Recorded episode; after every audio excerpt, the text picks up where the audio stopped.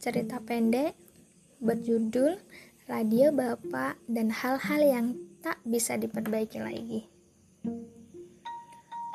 Dilihat dari segi mana pun, kata Bapak, ada hal-hal yang memang tidak bisa diperbaiki dalam hidup, seperti benda ini.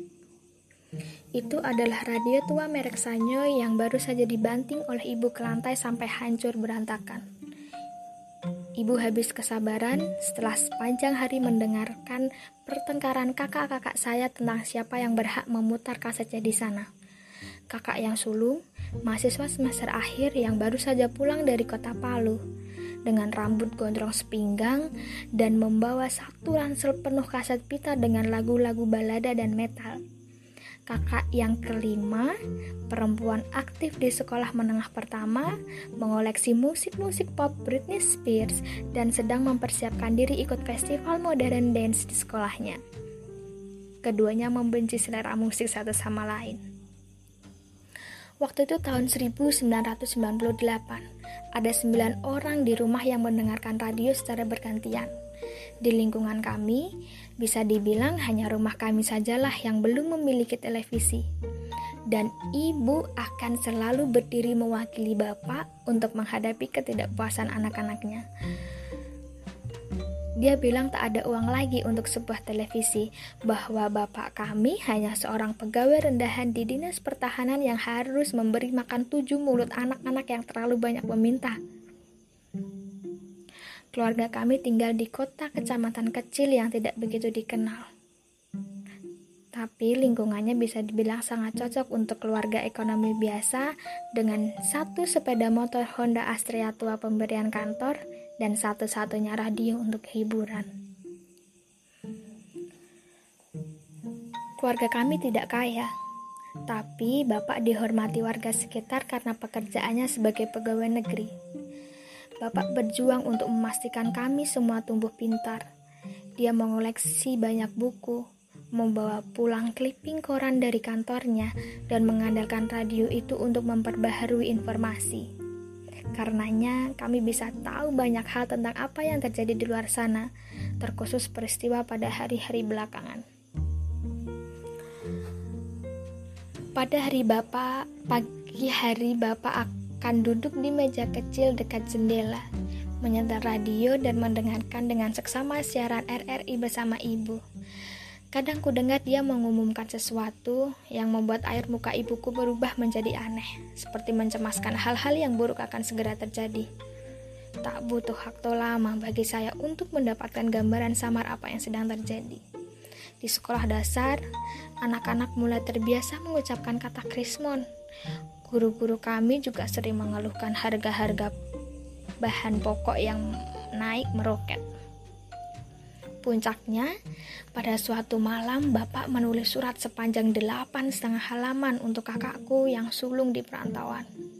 Memintanya untuk pulang segera karena negara sedang krisis, dan ibuku tak ingin pelajar sebatang kara sepertinya dalam masalah. Beberapa hari setelah kepulangan kakakku, Presiden Soeharto dipaksa turun dari jabatannya oleh demo mahasiswa. Kadang saya bertanya-tanya, ke mana waktu membawa pergi semua sifat keras hati dan tanpa kompromi ibu saat ini? Di masa lalu, ibu selalu menyelesaikan masalah dengan menghilangkan sumber masalahnya. Jika anak-anaknya memperebutkan papan catur, dia akan menghancurkannya, membelahnya menjadi dua dengan parang. Jika kami saling cemburu satu sama lain terkait uang jajan yang tak adil, ibu akan sekalian menarik semua uang itu dan melepaskan kami ke sekolah tanpa uang sepeser pun. Tak ada sedikit pun sikap moderat dalam dirinya. Sementara Bapak adalah sosok yang sama sekali berbeda dia lebih pendiam dan suka mendengarkan. Bapak memang tak selalu punya solusi untuk setiap masalah rumah tangganya. Tapi kami lebih senang mengadukan banyak hal kepadanya. Jika dia tak mampu mewujudkan keinginan anak-anaknya, Bapak tak akan berkata apa-apa atau memarahi kita. Tapi kami tahu, di balik diamnya itu terselip pesan seperti ingin bilang, bersabarlah, Bapak sedang mengusahakan sesuatu, atau tunggu beberapa minggu lagi. Tetapi ketika siang itu Bapak mendengar keributan di ruang depan, dia segera muncul di kamar dengan bertelanjang dada dan sarung selutut. Bapak memeluk kakak saya, Maya yang menangis terseduh-seduh. Menyadari radio yang digunakannya latihan menari tak lagi berfungsi. Sementara ibu telah menghilang ke belakang dengan martil di tangannya tanpa mau mendengarkan apa dan mengapa. Bapak terjongkok diam dan mengamati sisa-sisa radio itu. Beberapa tombolnya hancur, penutup kasetnya tak bisa mengatup lagi, sambungan kabelnya terlepas, sepasang baterainya dilempar ibu ke halaman. Tak ada harapan sama sekali. Kami menghabiskan malam-malam setelahnya dengan berkumpul di ruang tengah mendengarkan bunyi jangkrik dan gonggongan anjing liar belakang rumah. Tanpa bunyi radio itu, rasa-rasanya sesuatu dalam keluarga kami telah dibawa pergi. Seperti seorang kerabat dekat yang meninggal dunia, menciptakan kesedihan dan suasana murung. Ketiadaan radio di atas meja membuat kami tersadar bahwa benda itu tak kalah pentingnya dengan perabotan lain di rumah ini. Rumah kami terlihat asing dan aneh.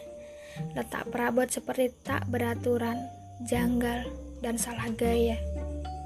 Faktanya, keberadaan radio itu beserta kaset-kaset yang keluar masuk meninggalkan kenangan yang dalam dan membentuk selera musik kami sekeluarga. Meski usia saya waktu itu 9 tahun, tapi saya sudah bisa menyanyikan beberapa lirik dari lagu-lagu balada GNR, Metallica, Firehose, White Lion, Westlife, Dewa 19, God Bless, atau Spice Girls.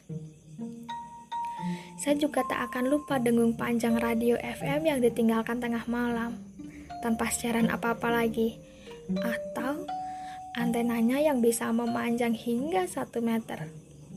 Bahkan bertahun-tahun setelahnya, setelah bapak meninggal dan kami sudah bisa mengupayakan membeli TV dengan uang pensiunnya, kehadiran benda penghibur baru itu sama sekali tidak bisa menggantikan peran historis dari sebuah radio yang tampak gagah. Jika kau memiringkan antenanya sekitar 25 derajat, dia akan memperlihatkan gestur hormat ala serdadu menyambut kami di bawah jendela setiap pagi dengan suara khas penyiar laki-laki dari stasiun RRI. Seseorang pernah bilang, TV menyajikan sebuah gambar pada setiap orang, tetapi radio melahirkan sejuta gambar di dalam sejuta otak. Sepanjang usianya, radio itu telah menjadi identitas Bapak sendiri Bapak mendapatkan pengetahuan dari radio dan dia meneruskan pengetahuan itu kepada kami. Jadi bisa dibilang ada satu benang tak kasat mata yang saling menghubungkan kami anak-anaknya, almarhum Bapak dan radio itu. Dan semuanya tersimpan rapi dalam laci kenangan di kepala tiap orang. Anggapan ini tak berlebihan saya ingat ketika memutuskan untuk menyudahi hubungan dengan perempuan yang telah lama saya pacari di kampus. Kenangan akan sore ketika radio itu hancur muncul kembali di kepala saya. Saya tak mengerti bagaimana itu semua bermula, tapi saya yakin betapa sesuatu seperti sedang menggerakkan lidah saya. Suatu daya misterius yang memaksa saya untuk berkata di hadapan tangis pasar saya yang merengek meminta penjelasan dilihat dari segi mana pun. Kata saya seolah meniru Bapak. Ada hal-hal yang tak bisa diperbaiki dalam hidup ini, seperti halnya hubungan kita. Jujur saja, tak ada yang salah dalam hubungan kami waktu itu. Saya dan gadis itu melewati tahun-tahun yang menyenangkan. Memang ada sedikit drama, tapi tak sampai membuat hubungan kami dalam bahaya. Saya bahkan telah sampai kepada pikiran bahwa semuanya akan berjalan lurus-lurus saja, damai, sampai suatu hari di masa depan kami memutuskan untuk melanjutkannya ke tahap yang lebih serius. Namun, hari itu jiwa saya seperti radio bapak yang dihantam martil hingga hancur. Tak ada cekcok, cemburu, atau alasan-alasan yang layak untuk putus. Hanya sebuah perasaan akan sesuatu yang tak terhindarkan. Semacam pendar batin dalam diri yang mengatakan kepada saya bahwa untuk alasan-alasan yang tak terjelaskan, cepat atau lambat, ini semua akan berakhir dan tak ada sesuatu pun yang bisa mencegahnya. Maka di bawah tekanan batin seperti itulah saya meninggalkan kekasih saya. Saya pulang ke kamar kos, menutup pintu dengan murung, lalu memutar playlist dengan kata kunci best ballad 90s di YouTube sepanjang malam. Lagu-lagu yang selalu diputar di radio Bapak dan mengingatkan saya akan kehangatan rumah.